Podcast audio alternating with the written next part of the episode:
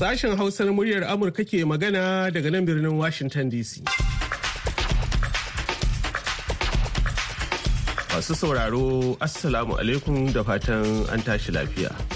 Ibrahim Ka'almasi Garba ne tare da Muhammad Hafiz Baballe da sauran abokan aiki muke farin cikin kasancewa da ku a wannan shiri na asabahin yau Lahadi 26 ga watan Fabrairu. Wato kwana guda bayan gudanar da babban zaɓen Najeriya.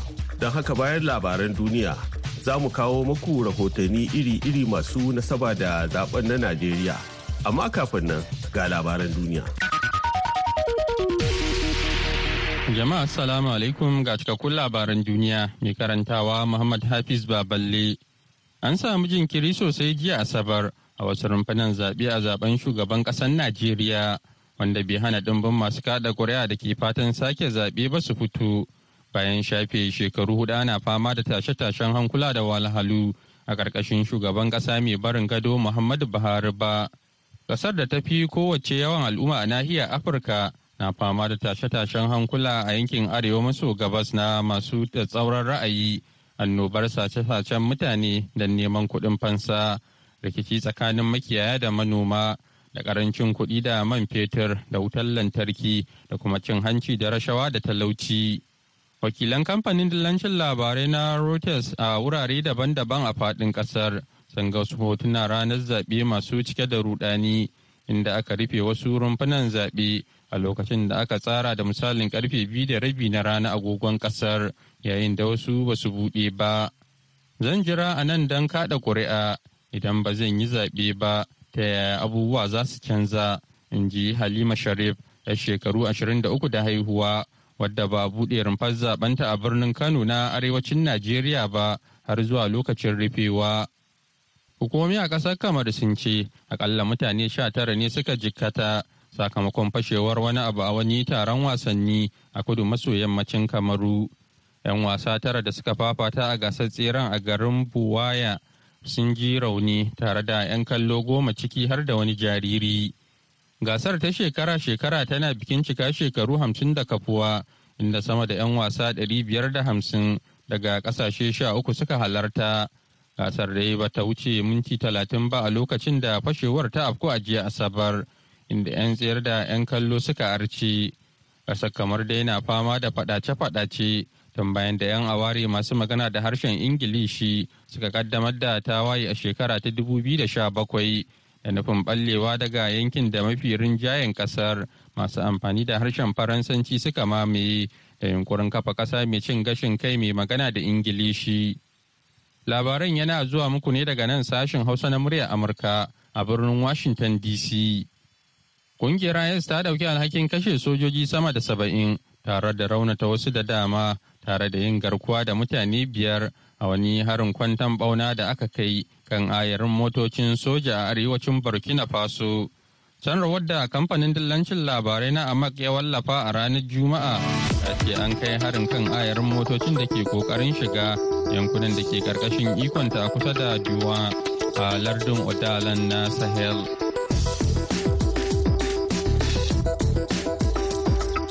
To a gaida Muhammad Hafiz Baballe da ya karanto mana labaran duniya daga nan sashen Hausa na muryar Amurka a birnin Washington DC.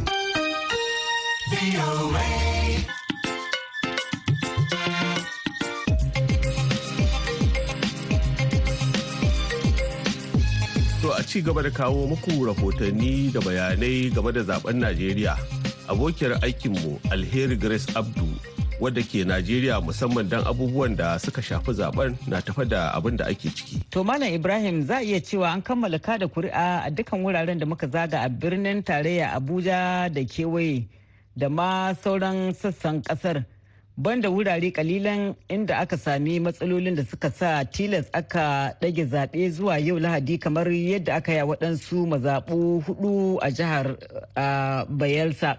Sai dai an fuskanci zaɓe a makare a wurare da dama sakamakon rashin zuwan jami'an gudanar da zaɓe da kuma kai kayan aiki a mazaɓu da aka fuskanta a mazaɓun da ke nesa da kuma kusan babban birnin tarayyar abuja. A waɗansu mazaɓun kamar wata mazaɓa da ke jihar nasarawa da aka bugo mana waya bayan ƙarfe uku aka sanar da mu cewa har zuwa lokacin nan jami'an hukumar zaɓe ba su isa wurin ba balle ma a fara zaɓe To a unguwar Lubema da ke birnin tarayya Abuja an fuskanci irin wannan matsalar.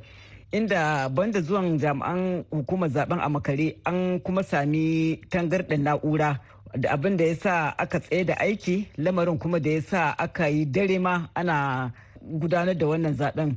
To na zanta da ɗaya daga cikin waɗanda suka kada kuri'a a wannan mazaɓa ga abin da ya shaida min. To yanzu a polling unit PU 014 Federal Housing Lugbe Airport Road Abuja ƙarfe goma da minti 43 zaɓen da muka fito yi daga asuba wurin ƙarfe 8 sai yanzu muka samu muka kada kuri'a. Ni na gama nawa wasu kuma suna bayana suna bin layi muna fatan nan da minti 45 zuwa awa ɗaya su ma za su kammala sai a fara maganan kidaya abin farin ciki shine an samu an gama ba tare da wani tashi hankali ba. Mutane sun natsu duk da bata lokaci da aka yi duk da yunwa da ruwan sama sun dage sun nace cewa sai sun yi kuma suna layi. Muna fata yadda aka fara lafiya za a kuma gama lafiya. Wani abu Malam Ibrahim da ya ɗauki hankali a zaɓen yau a birnin tarayya Abuja shine ba zato sai aka fara ruwan sama kamar da bakin kwarya. Ruwan sama na farko a wannan shekarar da mutane da dama suka riƙa bayyanawa a matsayin alamar zaɓen zai yi albarka. To sai dai wannan ruwan sama ma bai hana mutane tsayawa su kada kuri'unsu ba. a wuraren da aka yi dare ma mutane sun kai injinan wuta suka kaka rumfuna domin su samu su fake kenan suka zauna domin tabbatar da cewa sun kada kuri'unsu sun kuma zauna an ƙirga a gaban idanunsu. An fara ganin alamar wanda ya yi nasara? To a hukumance dai ba za a iya cewan an fara kai ga sanin wanda ya yi nasara ba. Kasancewa muna wani zamani na wannan hanyoyin sadarwa da nan da nan zaka ga mutane suna cewan ga wanda ya ci zaɓe a mazaɓar shi ga jam'iyyar da ta ci zaɓe a mazaɓa kaza. To sai dai abin da ya zama tabbas shine Malam Ibrahim kowace mazaɓa zuwa yanzu waɗanda suka kada kuri'a a mazaɓar sun san wane ne ya ci zaɓe a mazaɓar bisa ga kuri'un da aka kada da kuma sakamakon zaɓen da aka bayar a wannan wurin. A iya cewa an yi wannan zaɓen cikin kwanciyar hankali koko? Babu shakka kamar yadda kowa yake faɗa. Wannan na ɗaya daga cikin zaɓukan da aka gudana a najeriya cikin kwanciyar hankali da lumana. Bisa ga abin da muka gani ma muka shaida a mu 'yan jaridu da muka kewaya duk da yake dai an sami 'yan tashe-tashen hankula ko kuma hatsaniya nan da can amma ba za a kwatanta da abin da aka gani a lokutan baya ba. Musamman ni na zo najeriya ɗaukar rahotanni a zaɓen da aka gudana a shekara ta 2019 wanda ya kasance zaɓe na baya-bayan nan inda aka fuskanci tashe-tashen hankula sosai. To amma wannan karan akasin haka tabbas muka gani. A gaishe ki To a yayin da ake kan jiran sakamakon zaɓen shugaban ƙasar Najeriya, wakilinmu a fadar shugaban ƙasar Umar Faruk Musa ya yi nazari da kuma haɗa rahoto kan ɗimbin ikon da shugaban ƙasa ke da shi da kuma sakamakon hakan walau mai kyau ko mara kyau da kuma yadda hakan ya sa batun neman mukamin shugaban ƙasa ke tattare da takaddama da sababi fiye da kowanne. Umar Musa gare ka. Ambasada Hassan Tukur ya daɗe yana aiki a fadar gwamnatoci daban-daban a Najeriya tun lokacin da shugaban Muhammadu Buhari yana mulki na soji har lokacin Goodluck Ebele Jonathan yana ganin cewa akwai dalilai da dama da suke kawo irin wannan tarnaki da makirci da cece kuce ko kaloli daban-daban da ake samu a fadar gwamnatin Najeriya inda yake cewa. Idan shugaban kasa ya shiga wannan mukamin yana da aƙida yana da program da yake so yi yana da mutanen sa dama da yake so su yi aiki yana da jam'iyya da take da ƙarfi tana da nata program da zai bi za a ga shi zai mulki. Amma in ka shigo shugabancin Najeriya baka da wannan shirin ka samu kanka kabau a ciki. Galibi za ka ga mukarrabanka da suke kewaye da kai yawancin abubuwa su za su yi. Sannan in tafiya ta yi tafiya kana shugaban ƙasar Najeriya za ka akwai wasu mutanen da za ka ga yawanci za ka dogara da su don su maka wasu ayyukan. In kai sa'a kana da wanda suke da experience wanda suke da jin tsoron Allah da kamantawa za su yi abin da ya kamance su. In ka samu inda ba su da wannan za su yi abin da ke cikin ransu ne. To Najeriya abin da yasa akwai arziki da yawa. Sannan shugaban ƙasar Najeriya yana da ƙarfi ƙarfi da abin da doka ta ba shi abubuwa da yawa wanda yawancin shugabannin ƙasashe ba su da shi. Sannan Najeriya ba abin da ake cewa bin doka kamar rule of law. Babu. Wasu ƙasashen shugabannin ƙasashe ba za su yi wasu abubuwa ba don za a taka musu birki. Majalisa za ta taka musu birki kotuna za su taka musu birki jam'iyya za ta taka musu birki. Sannan koma jam'iyyun adawa su ma suna iya taka musu birki. Me yasa aka fi kuka da da shugaba buhari ya gudanar da mulki in aka kwatanta da su jonathan da su umaru da su obasanjo da dai sauransu? Wato abubuwa da yawa ne. Yadda shugaba buhari ya zo kan mulkin ne. Na ɗaya haɗin gambiza ne.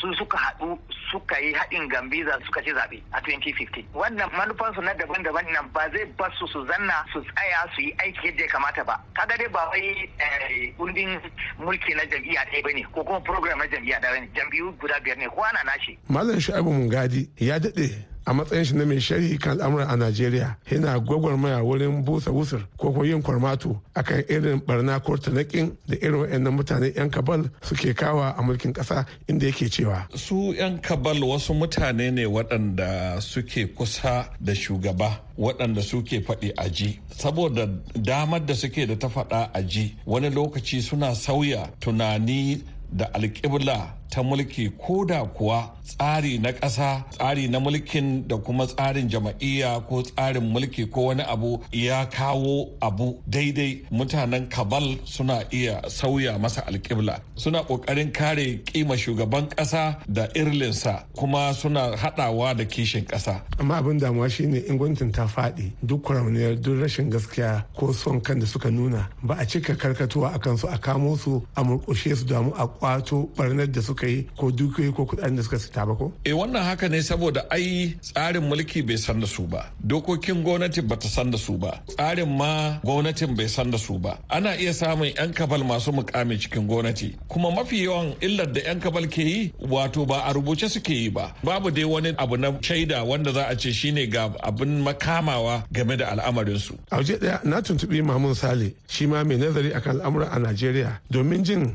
dalilin da ya sanya a duk lokacin da za a yi zaɓen shugaban kasa a najeriya masu neman mukamin suna gwagwarmaya kusan ta fitar rai domin tabbatar da sun yi nasara. Sannan kuma bayan ma an yi nasarar ba lallai ne a kitsawa 'yan kasa wasu abubuwa na alheri ba. To na farko kujerar shugaban kasa a gwamnatoci irin na afirka ko kuma gwamnatocin suke tasowa kujera ce mai matuƙar romo kuma kujera ce mai matuƙar tattare da mulki na sawa a yi ko kar a yi. Don ganin a ƙasashe masu tasowa idan aka ce zaɓe na shugaban ƙasa ya kawo jiki za ka ga mutane sun fito barjak kowa yana kokowa nasa ya samu mulki. Ko a matsayin yanki ko a matsayin addini domin a ci daula a sha lagwadar da su. Wannan ƙoƙarin shine ake ta yi har a kai a yi wani abu da ba daidai ba. Amma mutanen arewacin najeriya na ga suna kokawa ƙarƙashin gwamnatin shugaba muhammadu buhari cewa ba sha lagwadar ba kamar yan kudancin ƙasar suka samu ayyuka muhimmai aka yi musu. Wannan zai karya lagon masu tunanin cewa in naka ya samu kamar zai yi maka abubuwa fiye da abin da za a yi ma waɗansu bangarori to gaskiya mulkin shugaba muhammadu buhari ya zo da ba. Shi kadai ne ya fito daga yanki wanda yankin da ya fito bai mori ribar dimokuraɗiyya ba inda ya kamata. Sai wasu yankuna ya fi fifitawa wataƙila bisa dalili nasa. Wannan wataƙila zai ko bayu ga darasi ga sauran yankuna kan cewa ba lalle naka ba zai rufa maka asiri. Umar faruk musa amurka a Abuja, Najeriya. To a gaida Umar har ila yau dai yayin da ake ci gaba da tattara sakamakon zaɓen Madina Dauda ta duba mana tasirin da cin hanci da rashawa ke yi kafin zaɓen lokacin zaɓen da kuma bayan zaɓen na Najeriya. Madina ki shigo. Almubazaranci, almundahana da sakaicin shugabanni na daga cikin abubuwan da ƙwararru ke ganin ya kamata a kawar idan ana so a cire cin hanci da rashawa. Musamman ma a daidai wannan lokaci na zaɓe, kama daga zaɓen shugaban ƙasa da na 'yan majalisun dokoki da kuma na gwamnoni. Sabuwar dokar zaɓe da 'yan siyasa ke amfani da ita yanzu ta ba da dama wajen kashe kuɗaɗe masu yawa. Ƙwararre a fannin siyasa da diflomasiyar ƙasa da ƙasa kuma malami a jami'ar Abuja, Dr. Faruk Bibi Faruk ya nazarin hujjojin amfani da kuɗi a fannoni daban-daban a siyasar ƙasar kamar yadda doka ta tanada. Idan kika kalli miliyan 500 biliyan ma biyar ina jin na shugaban ƙasa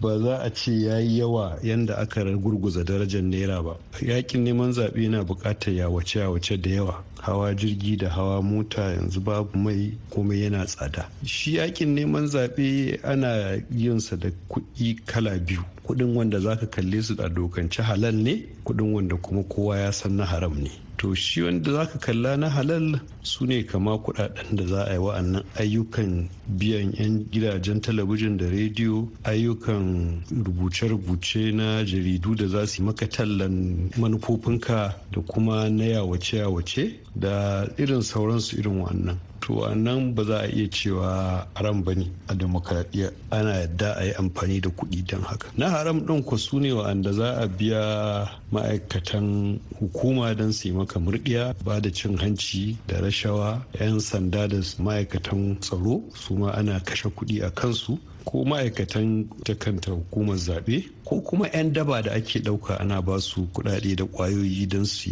yi ɓarnar da za su tsorata abokan hamayya. Ita kuwa fitacciyar 'yar gwagwarmaya kuma 'yar siyasa a Kano Hajiya Mariya Ibrahim Baba ta yi tsokaci cewa cin hanci da rashawa yana farawa daga cikin gida ne kafin a kai kan harkokin siyasa. Kuɗi tana kawo daɗi tana kawo masifa. Barantana yaron da za a assasa shi a girmar da shi akan cewa ma ai ya sa kuɗi shine muhimmi a rayuwarsa in dai kana da kuɗi ko ya ka samu kuɗin oho to tun kana ba yaro yana ƙarami ran da baka bashi ba baka da shi sai fasa maka dan sace sace irin wayannan kuma suka tamu suka shiga suka fita suka fada cikin irin wannan siyasar da ba su da alƙibla. To Allahumma salli ala sayyidina jazaman zai ki gani irin su sun haɗu su ne kuma sun zo sun kama sun samu madafun iko. In za a zauna a samu siyasa masu alƙibla wayanda kuma in sun kafa ƙungiyar nan alƙiblan su ɗaya a zo a tafi a so a samu madafun iko a zo a kakkasu a rarrabu a sassa mutane masu tsoron Allah masu imani wanda suke tausayin na ƙasa to za mu kai labari amma in ba haka muka yi ba gaskiya fi sabi da lahi iye na na ye ne waƙan ƴan mata. amma ga ƙwararre a fannin gudanar da mulki da zamantakewan ɗan adam farfesa usman muhammad ya ce babu abin da yunwa ba ta kawowa. yunwa da kwaɗayi har ma addini yana kawarwa kan mutum idan mutum ya shiga cikin tsananin yunwa aka yi amfani da shi a makami makamin kuma na babu gaira babu dalili na a tursasa wa jama'a sannan su wata hanya daban wanda ake so. To sanda za su bi din ma sun fita haicin su to amma a cikin hakan ma akwai masu aƙida wanda wallahi sai dai su mutu wata shari'a sai gaban Allah. To amma akasarin siyasa da ake a Afirka mun ga yadda ake tursasa wa mutane yunwa da kwaɗayin tana zama makami na har sai sun yi abin da ake so. To saboda haka na yadda da wannan magana ɗari bisa ɗari. Allah dai shi kyauta Allah shi kiyaye. A ƙarshe ƙwararru sun ce shugabanni adalai ne ya kamata a samu a ƙasa waɗanda Allah ke gabansu mutuwa tana gabansu waɗanda suke son al'umma ba waɗanda suke so a bauta masu ba. Madina Dauda, muryar Amurka daga Abuja, Najeriya. A gaida Madina, yanzu kuma bari mu dubi jihohi masu matuƙar tasiri a zaɓe da kuma irin mamakin da ake ganin sakamako daga irin waɗannan jihohin kayi. Kan wannan, Maryam Dauda ta tuntuɓi Honorable Murtala Adamu Jega da Abdulmajid Waziri. wanda ta fara da shi. To idan kika duba an kalma da hukumar zaɓe ta fitar jihar Lagos tana daga cikin jihohi na Najeriya da suke da masu kada kuri'a. Kuma wannan ya sa jihar Lagos take ta zamanto tana da muhimmanci ga duk 'yan takarkaru da jam'iyyu wanda suke neman shugabancin Najeriya. Saboda ko da a misali a ce baka da ƙarfi a jihar jam'iyya ba ko kuma ɗan takara bai da ƙarfi. to kullum dan ta ƙoƙari yake rikici ga cewa ya samu kalace ko kuma ya samu ƙuri'a a inda ake tunani akwai ta a jirgi to saboda haka jihar lagos tana da matsayi ƙwarai da gaske ba dan kadai tana da yawan masu kada ƙuri'a ba a saboda irin mutane waɗanda suke zaune a jihar lagos jihar lagos tana daga cikin jiha a najeriya ba za ka iya cewa kowane kabila a najeriya za ka same shi. Kowane addini za ka kusan za a iya cewa karamar najeriya ce a jihar lagos saboda haka siyasa ta kabilanci da ta addini tana tasiri a jihar lagos amma kuma ba ta cika tasiri kamar da take tasiri a ƙarshen kunyar kudu maso yammacin najeriya ba. Ko kuma kudu maso gabacin da ko kuma arewa maso yammaci ko kuma arewa maso kudancin najeriya To honorable ya kake ganin fafatawar da manyan 'yan takarar shugaban kasa ke yi a jihar ta Legas? Wato ita kamar jihar Legas kamar da na faɗa a baya. Kamar ta karamar Najeriya ce kuma za ta kasance filin daga ne na 'yan takarkaru. Idan kika duba shi dan takara na jam'iyyar apc wato bola ahmed tinubu da kuma shi alhaji atiku abubakar da kuma har shi Mr. Peter Obi.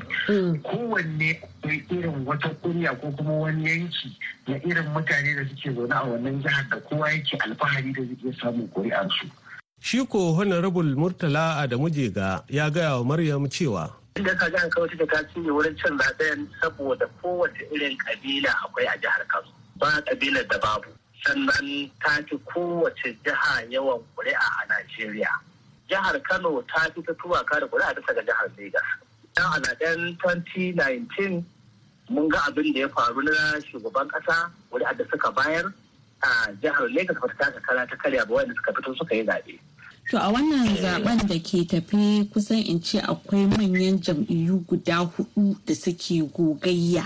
Ya kake ganin tafiyar take zuwa yanzu? To, yadda tafiya take ta siyasa su alƙalumma gaba ɗaya na siyasa a hakikanin gaskiya yadda suka nuna in dai a jihar Kano ne.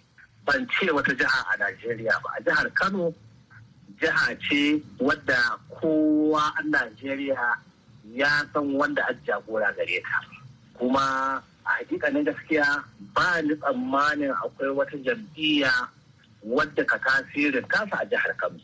Idan dai ana maganar ƙarfi ne na yanki a jihar kano ba wata jam'iyya mai tasirin jam'iyyar nnpp ta da rabiu musa kwankwaso. A gaishe ki to a yayin da 'yan najeriya ke ci gaba da dakon sakamakon zaɓen makwabtansu na ci gaba da yi musu fatan alkhairi da kuma tattaunawa kan zaɓen na najeriya da ma tasirin ƙasar najeriya da nijar da ake yi wa taken hassan da hussein na da iyaka mai tsawon kilomita 1497 jihohi biyar daga cikin takwas na jamhuriyar nijar ne ke iyaka da jihohin arewacin najeriya. Abin da ya sa harkoki ke gudana a tsakanin al'ummomin ƙasashen biyu tamkar ba iyaka a tsakanin su haka kuma jihohin tsakiya da na kudancin najeriya ke samun bakuncin 'yan nijar da sunan cirani ko kuma hada-hadar saye da sayarwa. Kamar yadda bayanai ke nunin miliyoyin 'yan najeriya ne ke zaune a nijar shekaru aru-aru. Wannan ya sa a duk lokacin da ɗaya daga cikin ƙasashen biyu ke gudanar da zaɓe abin ke ɗauka hankulan jama'ar su. Kamar yadda na tarar a wata majalisa wato fada a birnin yamai wasu 'yan nijar na tafka muhawara akan zaɓen na najeriya. Abin da Najeriya an ba nashi ba kai. Turaki adama ka ce kai aka ba turaki yankin su. Ka san bai abin kuya ba shi turaki. Babu wanda bai da barshi dukkan su hade namu bai da barshi ka kai.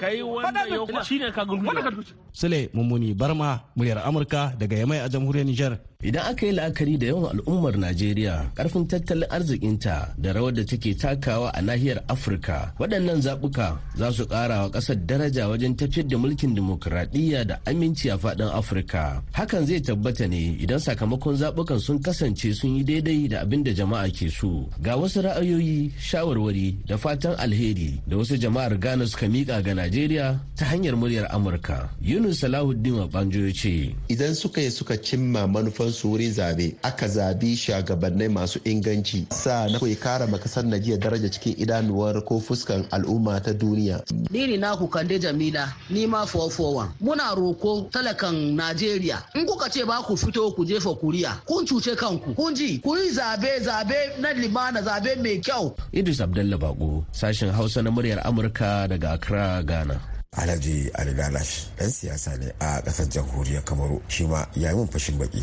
a kowane lokaci inda aka ce najeriya za a yi zaɓen shugaban kasa to wani babban al'amari ne wanda duk duniya suna zuba ido a kanta. Ko don me sa farko tukuna najeriya tana da matsayi na ƙwarai da gaske a duniya. In ka ɗauki ta ɓangaren man fetur ka ɗauki ta ɓangaren aikin gona da kuma ka ɗauki ɓangaren al'umman da take da shi a cikin ƙasar ɗin sama da miliyon 250 ana ma cewa da 75 in kuma ka ɗauki irin dukiyar da ake juyawa ƙasar najeriya. Muhammad Awal Garba muryar Amurka daga ƙasar Kamaru. To a gaishe ku a wannan zaɓen da yiwuwar aje zagaye na biyu ko kuwa kan wannan hasashen da kuma tasirin jam'iyyun Nasiru Adamu Ilikaya ya tuntuɓi masanin kimiyyar siyasa Dr. Faruk Bibi Faruk na Jami'ar Abuja wanda ya fara da tambayarsa kamar haka. A shin a cikin waɗannan 'yan takara a jera su waɗanne ne biyu za a ce za su iya kunnen doki sannan waɗanne ne kuma biyu za su iya rufa musu baya wato musamman cikin waɗannan manyan 'yan takara huɗu da ake magana.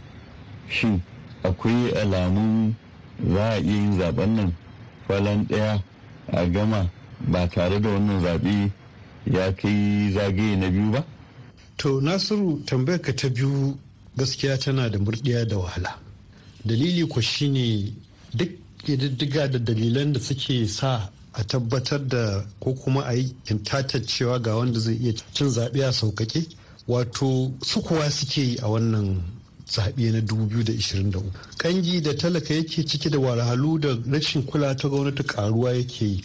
Ita kuma jam'iyyar da ya kamata a ce ita ce ta fita a adawa saboda ta taɓa riƙe mulkin ƙasa bata koyi darasin cewa an yi amfani da fushin mutanen da suke ƙasa da 'yan wato jari hujja. An ƙwace gwamnati a wurinta ba so su ba su sauko kasan wa'annan mutanen sun nemi ƙuri'a ba. Sai har yanzu suke neman ƙuri'a sa tabbatar da ita akan masu hannu da shuni da jari hujja wato ita jam'iyyar pdp babban kuskuren ta kenan. Sai kuma ga jam'iyyu biyu sun fito wacce ita nnpp ta je ƙasa tana aiki a ƙasa cikin talakawa. Saboda haka in fushin nan yana saukowa ƙasa nnpcp ce take samun moriyarsa. Su kuma wannan 'yan lebo sai ya zama cewa akwai surutu da cara da ƙarfin magana saboda yawancin masu wato walwalar yau da gobe 'yan tsaka-tsaki a najeriya sun fita allaka a kanta. Saka ƙuri'a ce za ta iya nuna waye ake tunanin zai iya fitowa. Za a iya shan mamaki a ga in fushin nan ya kai ƙasa sosai nnpp ta yi fintinkau. Zai iya zamana cewa an yi amfani da wato hukumomi da ƙarfin gwamnati a ba apc dama. Zai iya kuma zamana cewa mutane sun yi boran apc sun ga cewa pdp za su koma. Ita kam labour party ba na sata a cikin wa'annan ukun saboda dalilai na su ne.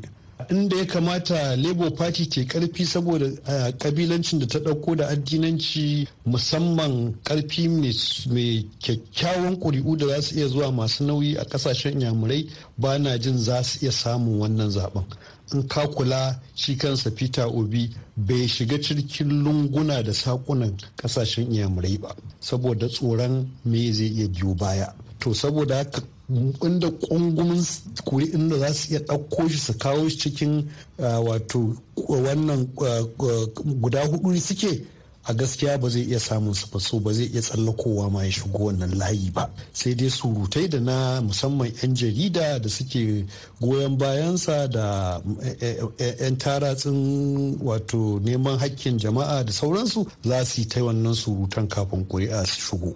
Inda ake tunanin kuri'u yanzu ta wuri uku ne. Pdp saboda ta fi kowace jam'iyya yawa. A Najeriya tana ko'ina saboda da aka kafa ta an baza ta sannan kuma ta yi shekara goma sha shida tana sa wato dasa kanta a cikin Najeriya. APC ba don saboda ta shiga ko'ina ba ta karbu amma saboda tana da gwamnatin tarayya kuma tana da wanda ya fi kowa fitar da kudade akan wannan zaɓen don ya ci zaɓen nan bola tinubu nnpp ita kuma ita ce yanzu take cikin ƙasa take tafiya a ƙasa take inda ƙuri'u suke to idan ta iya tabbatar da wannan ƙuri'un sun zamana sun rayu sun zo sun kyankyashe a jikinta to za ta iya ragowar wannan guda biyu ban mamaki. To masu sauraro da haka muka kawo ƙarshen shirinmu na wannan lokacin amma idan Allah ya kai mu an jima da hantsi ƙarfe 8 agogon Najeriya, Nijar kamar da Chadi. Wato bakwai kenan agogon Ghana za mu kawo muku wasu rahotanni da shirye-shirye masu ƙayatarwa game da zaɓen na Najeriya. Yanzu a madadin Muhammad Hafiz Baballe da ya taya ni gabatar da shirin da mu Salaman Abo sai kuma injiniyan mu na yanzu.